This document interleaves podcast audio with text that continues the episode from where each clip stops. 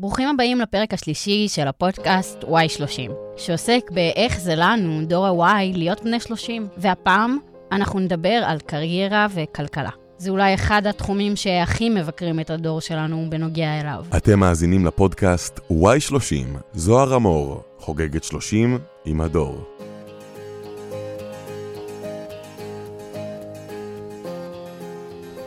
בלי ספק יש רגעים שאני מרגיש שנולדתי ליותר ממה שמגיע לי אפילו. זה לא הוגן שהחיים שלי כל כך בטוחים ופשוטים מהבחינה הזאת. בעוד שיש אנשים שהיום יום שלהם הוא מאבק. עזבי את הסממנים הקלאסיים של פריבילגיה, כאילו גבר יהודי לבן סטרייט כל זה. לגדול בקיבוץ זה חוויית חיים אחרת לחלוטין מכמעט כל מקום, אני מאמין. את הלל פגשנו בשני הפרקים הקודמים, והוא בן קיבוץ. והדבר הזה גורם לו לתחושות לא פשוטות בכלל. אולי דווקא בגלל הפריבילגיה. הלל מרגיש כל כך הרבה אחריות לכך שיהיה יותר טוב לכולם סביבו. הייתי חובש בצבא, ובורחתי במקרים רבים ואקראיים לאורך הדרך. רבים ואקראיים בשפה של הלל זו דרך צינית להגיד אה, כואבים עד בלתי נשכחים. והייתי בטוח שזאת הדרך שלי, ללמוד אה, להיות פרמדיק ולשפר את היכולות שלי ולעזור עוד לאנשים. אז אה, כן, הדבר הראשון שהלכתי ושניסיתי ולא חשבתי כמעט על שום דבר אחר היה רפואת חירום. תפקיד אה, הפרמדיק פחות מתאים לי. אה, גם הסטרס וגם העובדה שאי אפשר באמת להציל אנשים. אה, וזה גנב ממני הרבה תחושות של... אה, יכולת להרגיש סיפוק מהתפקיד. וזאת בדיוק הנקודה. להציל מישהו, אף אחד מאיתנו לא יכול. את זה אני למדתי על בשרי בדרך מאוד כואבת. הלכתי ללמוד רפואת חירום כדי להציל אנשים. הלכתי ללמוד עבודה סוציאלית כדי להציל אנשים. ניסיתי להציל חברים, מכרים, משפחה. אבל בסוף נראה לי שלהתבגר זה גם אומר להבין, כמו הלל, שאי אפשר להציל אף אחד. אפשר להציל רק, אולי, את עצמנו. אחד הדברים ששמעתי הכי הרבה זה תעשה מה שעושה לך טוב. וזה מע... אומר לך מעט מאוד מה עושה לך טוב. הרבה דברים עשו לי טוב כשהייתי ילד, אז מה, הייתי כאילו קונה ממתקים לכל החיים בתור קריירה? זה, זה היה החלום שלי באיזושהי נקודה, כאילו... ואני הייתי חייב לעבוד קשה עם עצמי לאורך שנים כדי uh, למצוא את הגרעין הקשה של מה שאני רוצה לעשות, ואני עדיין מחפש אותו. נתנו לי מעט מאוד הכוונה עד היום נראה לי אין לי באמת מושג אמיתי מה זה ארנונה. אחת ולתמיד לתשומת לב הדור. ארנונה היא מס מוניפ... ארנונה היא מס מוניצ... אני חושב שזה קשור לגודל של הדירה אולי או איזה משהו כזה, אין לי מושג. ארנונה היא מס מוניציפלי המוטל על תושבי יישוב מסוים לצורך מימון פעולתה של הרשות המקומית. כן, עכשיו זה לגמרי הרבה יותר ברור. עם כל החוסר כיוון ומצד שני הפריבילגיה, באמת, הלל, אתה מאמין שכל אחד מאיתנו יכול או יכולה להצליח? אנחנו מדברים הרבה בימינו על uh, תקרת הזכוכית שהרבה נשים שוברות, uh, וזה מאבק שלדעתי הוא לא הוגן בצורה של המשחק מכור. כנ"ל כלפי אנשים בשכבות סוציו-אקונומיות נמוכות, המשחק מכור כנגדם. אז אני לא באמת מאמין שהשוק החופשי מאפשר לכל אחד הזדמנות שווה. שוק חופשי משמעו הרבה יותר מכלכלה מבוזרת. זה הופך הכל לכלכלי, כולל חינוך, כולל אה, איפה שאתה גר במעמד סוציו-אקונומי. באיזשהו מקום זה כמעט דומה לאצולה של פעם. יש לי את החלום הכי basic בעולם, כן? כזה לזכות בלוטו, להיות עשיר, ואז לבלות את היום שלי בלהסתובב כזה ולקנות אוכל לאנשים שצריכים אותו, ו... וכזה לפזר פשוט את הכסף שאני לא צריך לכל מי שכן. טוב, אני literally גרה בעיר הכי יקרה בעולם. אם אני רוצה לאכול ירקות, אז אני יורדת לדרקסטור מתחת לבית, קונה את מה שאני רוצה לאותה ארוחה. כזה שלושה מלפפונים, ארבע עגבניות, כזה, איזה קישור, שניים. אני מתה לשתות קפה בחוץ, ואני מקבילה את עצמי בקפה בחוץ. קפה עולה לך 16 שקל. אז מהלל והקיבוץ והמדבר, המשכתי אל החלום הגדול, העיר הגדולה שאף פעם לא עוצרת. לקמילה הרווקה התל אביבית יש לגמרי את חוויית החיים הזאת. תל אביב, מרוב שהיא בועה ואנשים כל כך מרוכזים בעצמם, והמבחר, השפע הוא כל כך גדול, תמיד מצפים למשהו שהוא יותר טוב, יותר גדול, יותר נוצץ. הייתה תקופה שהייתי פרילנס, אז הייתי צריכה להפריש לעצמי. וזה חשוב, ואנחנו לא יודעים כמה הדברים האלה חשובים, כמה הבירוקרטיה הזאת uh, קריטית. זה נכון, אין לנו מושג. אין לנו מושג מה זה ארנונה, אין לנו מושג איפה הפנסיה שלנו נמצאת, אין לנו שום מושג, ואף אחד אף פעם לא אמר לנו שצריך להיות מושג. אז זה לא כל כך מפתיע שאין לנו מושג. האמת שאני מפיקה המון פודקאסטים על רכישות דירה ומשכנתאות. אפשר לקחת משכנתה היום, נגיד זוג צעיר שמרוויח יפה, בעוד כמה שנים לאותו זוג צעיר שמרוויח יפה מתווספים ילדים. אז הכסף הזמין שיש בעצם להחזיר את המשכנתה לבנק הוא מאוד מאוד קטן. אני היום, קמילה של עכשיו, לא שם. חסכונות אין, פיקדונות אין, עובדת קשה. כשרק עברתי אה, לתל אביב, עבדתי ברשת 13, ועבדתי במקביל בבר, הייתי מוזגת בירות לאנשים. כי מ-6,500 שקל אי אפשר להתקיים, כשהדירה שלך עולה 2,800, לא כולל. אז קמילה הסבירה לי איך כשיש ילדים, הכסף הולך. ורציתי להבין ממנה, מה זה אומר להיות אישה שמגיעה לגיל שבו היא אולי כבר קצת יותר מוכנה להיות אימא. עכשיו, לצורך העניין, אני עובדת מתשע וחצי עד שש. זה לא זמן שכאילו משרת אם. זה אחרי שיוצאים ממסגרות, בדיוק איך שנכנסים, כאילו, כזה. אז צריך אה, לחשוב על זה מבחינת קריירה גם. אבל כן, יש לי חברות שהן כבר אימהות. וכן, אה, יושבים עם הש... הבוסים כזה, עם השעון, שמים לב לזמן עד החופשת לידה. בגדול זה אסור. אסור לעשות דברים כאלה, אבל יש הרבה אנשים שלא אכפת להם. אה, ואחר כך יש עוד איזה שלושה חודשים של אה, חופשת לידה, שבעיניי זה כלום, וזה לא מספיק שלושה חודשים. מה את עושה אחרי שלושה חודשים האלה? שם אותו במעון? זה לא, זה לא הגיוני בעיניי, שלושה חודשים. בעיניי צריך לקחת הרבה יותר, שנה, מינימום. אי אפשר, אני לא מבינה איך עושים, איך הורים מצליחים. הכל, הכל מסתכם בכסף, בסופו של דבר.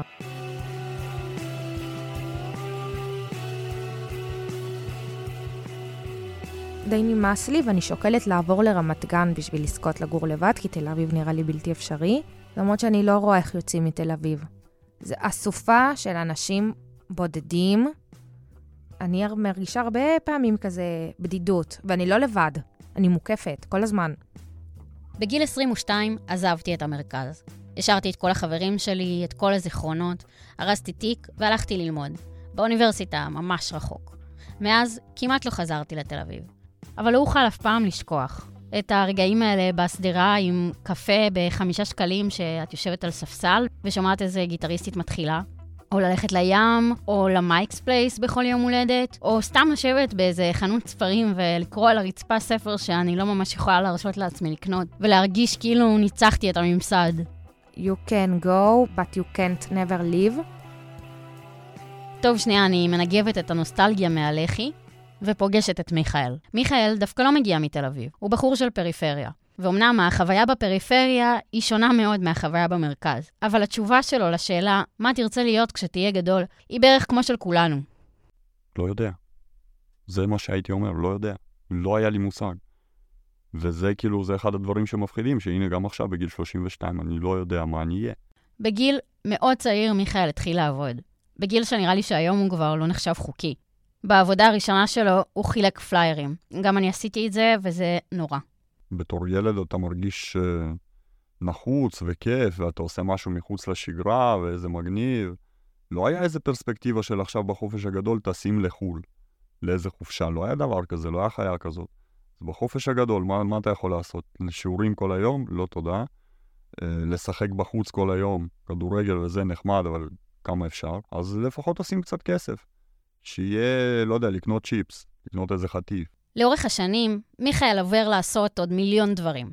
ואחרי הצבא, הוא חוזר לעבודה הזאת שהיא בכלל לא סטנדרטית. העבודה במוקשים, שבה הוא תכלס מסכן את החיים שלו. העבודה המרכזית שלי הייתה פינוי מוקשים, אבל זה עבודה פרויקטלית.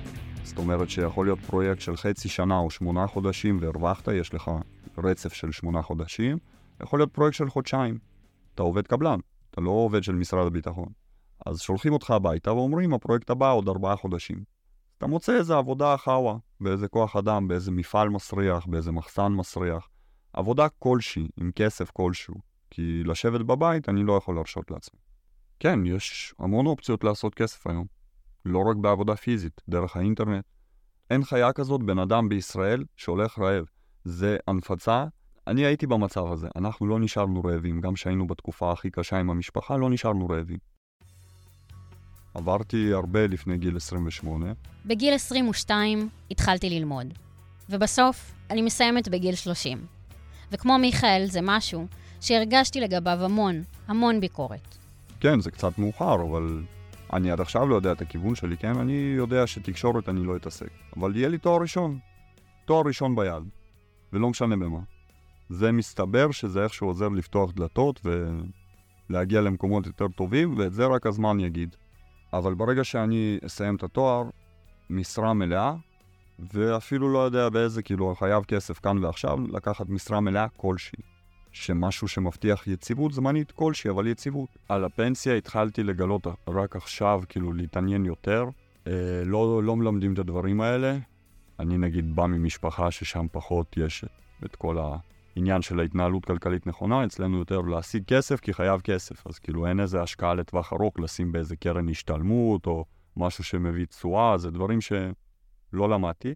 אני גם מכיר אנשים שקנו דירה בגיל 22. הם עבדו בכמה עבודות ושמו כסף בצד וכאילו לא יצאו ולא הרשו לעצמם כלום, אבל קנו דירה, יש להם דירה על השם שלהם. לא הכי חדשה, לא הכי יפה. הכל עניין של סדר עדיפויות. אז אין אף אחד רעב במדינת ישראל, וכל אחד יכול למצוא עבודה ולהצליח לקנות דירה. ככה מיכאל חושב. אבל לקראת סוף השיחה פתאום חוזר קצת הכעס. העניין הכלכלי מבלבל את מיכאל, אבל הכעס האמיתי של מיכאל על הדור שלנו הוא חוסר היכולת שלו להתבטא כמו שהוא מרגיש שהוא צריך להתבטא. יותר מכעיס אותי כל ה politically correct, שאי אפשר היום, בתקופה שלנו, להגיד כל מה שחושבים, כי מפחדים ממשהו, ממישהו. חייב להיות בקו פרוגרסיבי, ליברלי, שמיושר עם הכל, ולאנשים, אני כבר מרגיש בימינו, אין, אין עמוד שדרה. אין דעה. בן אדם יכול לזרום עם מישהו שאמר דעה כזאת, למחרת מישהו אחר יאמר דעה כזאת, הוא יסכים איתו, יגיד כן, כן, הכל בשביל לרצות. גם אם הדעה שלך לא נכונה, גם אם הדעה שלך על הפנים, אבל לפחות יש לך דעה. אני לא נלחם, אני לא מאלה שעושים מחאות והפגנות וזה, זה לא מעניין אותי. אני פשוט אומר את האמת בפנים. יכול להיות שזה נשמע לא נעים לפעמים. אבל אני נשאר שלם עם עצמי. לפעמים צריך להיות דיפלומט, אני לא דיפלומט. תאהבו או אל תאהבו, מה, אני צריך להתחתן איתכם? לא. כמו שמיכאל אוהב ולא מפחד להגיד כמה הדרך למצוא את עצמנו היא קשה, במקרה של חן, הדרך לא פחות קשה. אה, ולקח לי זמן למצוא את עצמי.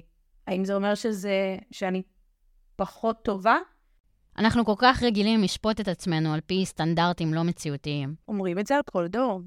All the way ל-1920, כל דור צעיר, כל דור שנכנס לגיל ה-30, גיל 20, אמרו את זה עליו שהוא לא יציב, שהוא אוהב מסיבות, שהוא לא אוהב לעבוד, שהוא רוצה חופש. גם אנחנו, וגם ההורים שלנו, וגם ההורים שלהם, לא אוהב לעבוד, זה בסדר, זה מגוחך קצת, זה כאילו, זו אמירה כזאת של בורלן. אוקיי, אז עכשיו מגיע הרקע התעסוקתי של חן. אל תדאגו, אנחנו נעבור את זה ביחד. אה, היסטורית, הייתי צופיפניקית לתוך שנת שירות, לתוך 8200, הייתי בשירות קבע, יצאתי ישר להייטק, כמו כולם שיוצאים מ-8200. ואז? תוך כדי עבדתי גם בסטימצקי, תוך כדי הצבא גם הייתי מלצרית, ועבדתי בצופים, ועשיתי כל הדברים שיכולתי לעשות. ואז? אה, ואז התחלתי ללמוד מדעי המחשב ומתמטיקה בבן גוריון. אה, התחילה הקורונה, זה היה מזעזע, החלטתי לעבור לפתוחה, גם נכנסתי להיריון באותה תקופה. ואז? תוך כדי גם עשיתי איזשהו אבחון תעסוקתי, שגרם לי להבין שהכיוון שלי הוא הרבה יותר משלב בין יצירתי למעשי, ואז הלכתי ללמוד ייצוג פנימי בצלאל. ואז? עכשיו אני עושה גם את הייצוג פנימי בצלאל, גם את המדעי המחשב ומתמטיקה בפתוחה. אה, ועובדת גם במשרה מלאה בתור אה, רכזת נוער ביישוב שמעה, ביישוב שגדלתי בו. התעייפתי, וזה סימן מובהק לכך שחן היא לגמרי חלק מדור ה-Y. היי, hey, יש לי הרבה ניסיון בהרבה דברים. תמיד רציתי להיות מאלה שהיה להם passion מאוד uh, ברור בשלב מאוד מוקדם בחיים. בעלי הוא כזה, צעק כזה את הייעוד שלו בגיל נורא צעיר, והחיים שלו הובילו אותו בדיוק לכיוון הנכון. גם נורא נורא מצליח בסכום הזה וגם מאוד מאוד אוהב את זה. זה לא אפילו המקצוע, מבחינתי שאני אהיה אומנית. לא באמת עניין אותי מה זה יהיה, העיקר שיהיה לי איזושהי, איזשהו משהו שאני הכי אוהבת לעשות בעולם. ולקח לי הרבה מאוד זמן להבין שזה קצת שונה אצלי. כאילו, האבחון התעסוקתי ממש שינה לי את החיים. זה משהו שהיה ממש מתנה שנתתי לעצמי. זה היה לא זול, אבל זה היה שווה כל שקל, ו... עזר לי להבין מה, מה נועד, מה באתי לעשות בעולם הזה. זה לא שבאתי בלי פשן, זה פשוט שהפשן שלי הוא לא משהו שלומדים בבית ספר. כישורים המולדים שלי זה לא מתמטיקה, עריכת דין, אמ, פוליטיקאי, כאילו... הבנתי שבסופו של דבר הפשן שלי זה לעזור לאנשים, ולעשות את זה בצורה עצמאית. כלומר, אני לא בן אדם שמגיב טוב אה, לסמכות, ומשתעממת נורא מהר, אז זה חייב להיות איזשהו משהו שכל הזמן משתנה וכל הזמן אה, קורה בו דברים, אה, וזה חייב גם להיות במחשב וגם להיות בחוץ, וזה כאילו, זה כל מיני הבנות כאלה שקרו באבחון התעסוקתי שאני כל כך שמחה שעשיתי. ועכשיו אני מכוונת לשם, יש לי כל מיני חלומות, אבל אני כרגע עדיין בשלב הלמידה, ואני שמחה ללמוד. אולי זה קצת מבאס להיות במקום הזה בלי תואר ביד, בלי התעודה, בלי ה... כי אנחנו הרי גדלנו עם מורים ג'ן אקסרים, כאילו הם אמרו לנו, אנחנו חייבים תעודה, אנחנו חייבים משהו כדי אה, שיהיה לנו קריירה, אנחנו חייבים קריירה, אנחנו חייבים לעבוד, ועשיתי דברים קצת עקום, כאילו עבדתי המון, תוך כדי שלמדתי המון, תוך כדי שהגשמתי חלומות קטנים משלי שהם קשורים למשפחה, ולא בהכרח לקריירה. היום גם עם קריירה טובה, את לא בהכרח תצליחי אי פעם לממן בית, את לעולם לא בהכרח תצליחי להגיע לכל היעדים שאת אה, חלמת עליהם, לא בהכרח תגיעי לקריירה שרצית, לא בהכרח אה, תהיי יציבה כלכלית, מחירים כל הזמן עולים, משכורות כל הזמן סטטיות אותו דבר, כאילו, אין לנו, לא יהיה לנו משבר גיל 40, אני אומרת לך. אנחנו לא נגיע לפיק, לא יהיה לנו פיק, אנחנו תמיד נהיה באיזשהו, מה היעד הבא? היעד הבא שלנו זה אולי משכורת קצת יותר טובה, אולי אה, להתחיל לעבור לבית אחר, אולי לעבור לבית יותר גדול, כי אנחנו לא נצליח לקנות בית, אלא אם כן יש לנו הורים שיש להם בית בשבילנו, שיש לנו הורים שנותנים לנו את הכסף לבית, שוואלה, איזה כיף לילדים שיש להם את זה. רוב הילדים, רוב החבר'ה בגיל שלנו לא עשו את זה, לא הצליחו.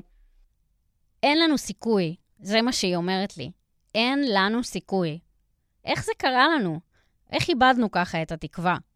ואם כולנו בתוך זה, אז מה זה אומר להיות אישה בסיטואציה הזאת? קצת שאיפות לא ריאליסטיות, כאילו, קצת uh, חינכו אותנו כנשים uh, צעירות שאנחנו נוכל לעשות הכל, גם כאילו להקים משפחה וגם להיות נשות קריירה מדהימות וגם ו ו ו ו ו ואנחנו נורא בריצה אחרי זה ונורא מנסות, אבל החיים קורים, קורונה קורית, uh, פתאום הקריירה שחשבת שנכונה לך היא לא נכונה לך, זה בסדר, זה, זה בסדר להיות במקום, אני חושבת שאיפה שאני נמצאת כרגע זה המקום הנכון. לגמרי. לא הייתי משנה שום דבר. כולל כל השיט פאקים שעשיתי, כולל כל הטעויות והשטויות והזמן שבזבזתי על, על שטויות שלא באמת עזרו לי באמת באמת, אבל למדתי מהם המון. וזה לא כיוון אותי לאיזושהי קריירה מסוימת, אבל זה כיוון אותי למי שאני בתור בן אדם היום. כן, למרות שהיא עושה גם וגם וגם, לא שוכחת את החשיבות של משפחה. וככה גם שרי. אז זוכרים את סיפור האהבה של אה, שרי וטל? הוא עוד התקדם והתפתח, ועכשיו הם uh, כבר הורים. אני לא רוצה שהעבודה תהיה מרכז החיים שלי. Uh, משפחה זה יותר חשוב. אחרי זה, כשאני אהיה גדולה, אני אסתכל אחורה ואני אגיד, בשביל מה? מה, פספסתי את כל החיים שלי. כאילו, בשביל עוד אלפיים שקל? עניין האימהות חוזר פעם אחר פעם בפרק הזה, ואפשר להגיד הרבה מילים גדולות כמו פערים, הקטנה, או המילה האהובה עליי, הסללה, אבל זה לא מתחיל בגיל 30. זה מתחיל דווקא במקום שאמור לתת לנו הכוונה. הטעות הכי גדולה בבית הספר זה שמכריחים ילדים ללמוד דברים שלא בהכרח מעניינים אותם, במקום להתעסק במה הם כן טובים, במקום, במקום לחזק אותם במה שהם טובים בו, לוקחים להם את כל החשק, את כל זה, ו- ומכריחים אותם להתעסק במשהו שהוא לא ישמש אותם. הייתי צריכה לבחור רק אה, מגמה אחת. אז למדתי אה, חקלאות בהתחלה, ואז uh, הנהגתי מרד, ואמרתי שזה לא פייר שלנו ביטלו את מגמת תזונה, ולא נכנסתי יותר לשיעורי חקלאות, שנורא שיאמם אותי, ופתחו לנו מגמת תזונה. אז עשיתי מגמת תזונה. ממש אהבתי את זה, קיבלתי ציונים ממש טובים. כן הלכתי לבית ספר, באמת, למדתי למבחנים, השתדלתי, לא אהבתי את זה, סבלתי מזה מאוד. אם את שואלת אותי מה אני זוכרת מבית ספר, כלום ושום דבר. כלום ושום דבר, את ההפסקות ב... באמת. אולי אני זוכרת אחד ועוד אחד, אפילו את לוח הכפל, באמת, אני לא זוכרת איש מחשבון. אני מאמינה שאם בן אדם טוב במשהו, אפשר להעסיק אותו גם אם אין לו תואר. ידע אתה יכול לרכוש לא רק מהספר, גם מתכלס, מלעשות. אני בן אדם כזה, ולאן שהגעתי היום, אמנם זה כולה מנהלת ב... ב... ב... אני אקרא לזה סופר, כי זה באמת סופר, בין מקום שמגלגל 11 מיליון בשנה, זה כבר אה, לא כלבו. הגעתי לשם בכוחות עצמי, בלי שום תארים, בלי ללמוד כלכלה, בלי שום דבר, אה, רק מלעבוד במקום, ובאמת, התחלתי בתור uh, עובדת בכלבו הישן הישן של הקיבוץ. הייתי עושה אריזות uh, של שקדים וצימוקים באריזות של 100 גרם, ממש כמו פועל, כמו פועלת. ולאט לאט, עד שככה, פתאום צצה לה הזדמנות, שאף אחד לא קפץ עליה, דרך אגב, חוץ ממני. אז אה, נראה לי שלא הייתה להם ברירה, ונראה לי שאני שם מעל חמש שנים, אז נראה לי שזה הולך טוב. אז רגע, כל אחד יכול להיות המבוגר האחראי? לא, לא כולם יכולים להיות מנהלים. אין מה לעשות. דרך אגב, גם אני לא חושבת שמתאים לי להיות מנהלת. אני לא אוהבת את ההתעסקות עם המחשב הזה. צצה לי הזדמנות. זה לא אומר שהייתי מצליחה להשיג אותה. יש אנשים שיצטרכו להתאמץ מאוד מאוד מאוד, כן, זה מאוד מעצבן. זה ממש מעצבן. בואו נסכם את זה ואני רוצה להאמין שכן, אבל לא, לא כל אחד יכול להצליח. יש נפילות, אני לא אשקר, יש נפילות שאני, וואי, מה אני צריכה את הכאב ראש הזה? מה אני צריכה את הצלצול של הטלפון עם האזעקה של הכל בו בשלוש בלילה? כי מה אני צריכה את זה עכשיו, שהמקרר מתקלקל ואני צריכה לפנות אותו ולמצוא פתרון, אבל בסדר, שאלה יהיו הצרות שלנו, מה שנקרא. כן חשוב לי שהדברים יהיו לדעת פחות או יותר את הסדר יום שלי. אני לא אוהבת שפתאום משהו נופל עליי באמצע היום, משבש לי את כל היום, מפקשש הכל. אז בעבודה של שרי כמנהלת הכל בו בקיבוץ, היא נתקלת לא מעט בעניין הזה של יוקר המחיה. כל יום אני שומעת את הסוכנים אומרים לי, יש עליית מחירים, יש עליית מחירים. ש... אז אני חווה את זה יום-יום, ורואה שהמזון וכל הטואלטיקה, הכל עולה, עולה, עולה, עולה. יש כאלה שיגידו שהתקציבים בקיבוץ קטנים, והם לא מספיקים, אבל בשורה התחתונה, הם מספיקים.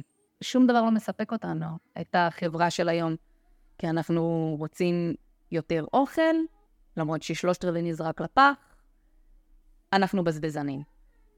פשוט בזבזנים. בסוף גדלנו להיות גם וגם וגם. אני גם התחלתי לעבוד בגיל מאוד מוקדם. העבודה הראשונה שלי הייתה פשוט נוראית. זה היה כזה בשבת בבוקר, לעמוד באיזה גינה עם uh, שמיכה, בלונים ומלא צעצועים כאלה נוראיים. ובאמת הייתה שם בובה של חמור שלא הפסיקה לשיר את השיר הכי נורא בעולם, שעדיין חוזר אליי בלילות. והבאסה האמיתית היא שבפעם היחידה שהעזתי לכבות את השיר הנוראי הזה, בדיוק הבוס בא לאיזה ביקורת וזה נגמר לו משהו. הרבה פעמים אנחנו, בשביל אה, השאיפה ליציבות, מוותרים על עצמנו, על החלומות שלנו. הרבה פעמים אנחנו מרגישים מחויבים לאיזה שהן ציפיות, ואנחנו שוכחים בתוך כל זה את עצמנו. במרדף האינסופי הזה להשיג ולהשיג, ובסוף אנחנו לא נהנים משום דבר שהשגנו. הבור הזה לא מתמלא אף פעם. אבל האם זה מקדם אותנו באיזשהו שלב? האם בסופו של דבר, באמת, אם נעבוד כל הזמן הכי קשה, נצליח לקנות בית? שהוא שלנו, לא נצטרך יותר לחשוב איפה, איפה אני אגור שנה הבאה. כל הדבר הזה גורם לנו להיות מאוד מתוסכלים, מרוב ציפיות שאנחנו לא באמת יכולים לעמוד בהן. אז אולי כן נעזוב את הארץ כדי לאפשר רמת חיים סבירה לילדים שלנו, כי אנחנו כועסים על החוסר צדק, על הניכור, על חוסר הסולידריות, על זה שהשבע אף פעם לא יבין את הרעב. אבל בינתיים אנחנו עדיין כאן, ואחד הדברים המשמעותיים שעלו בפרק הוא באמת הצורך של כל כך הרבה אנשים סביבנו לעזור לאנשים אחרים. פעם חשבתי שעבודה זה לא מקום שנהנים בו, שאם את סובלת זה אומר שאת עובדת, וזה לא בסדר שזה ככה. זה מתיש, זה מתיש למלא טפסים, זה מתיש להיכנס לאתרים, זה מתיש להתקשר למוקד טלפוני שבו אנחנו אף פעם לא נשיג נציג, גם אחרי שאנחנו מחכים שעה וחצי על הקו. זה מתיש. אני רוצה להגיד תודה רבה לכל המבולבלים שהם מחפשים את דרכם בעולם, כמוני, לקמילה פאס פפסנר, למיכאל מינדלין, להלל טולצ'ינסקי, לחן זקובר, לרון שמואלי ולשרי גולדמן. ועכשיו, תנו לי עוד רגע להתפלסף. אז שיגידו, שיגידו שאנחנו לא עומדים בציפיות. שיגידו שאנחנו עצלנים וחיים על חשבון אחרים, שאפילו יגידו שאנחנו דור של פגומים, ושהתחלנו לעשן בגיל שבע. בכל דור הגיל הזה יורד ויורד. ושבדור ההוא היה ככה, ובדור ההוא היה ככה אחר. ולמה אתם לא יכולים להיות פשוט ככה? כי ככה. ככה אנחנו. ויש לנו מה לומר.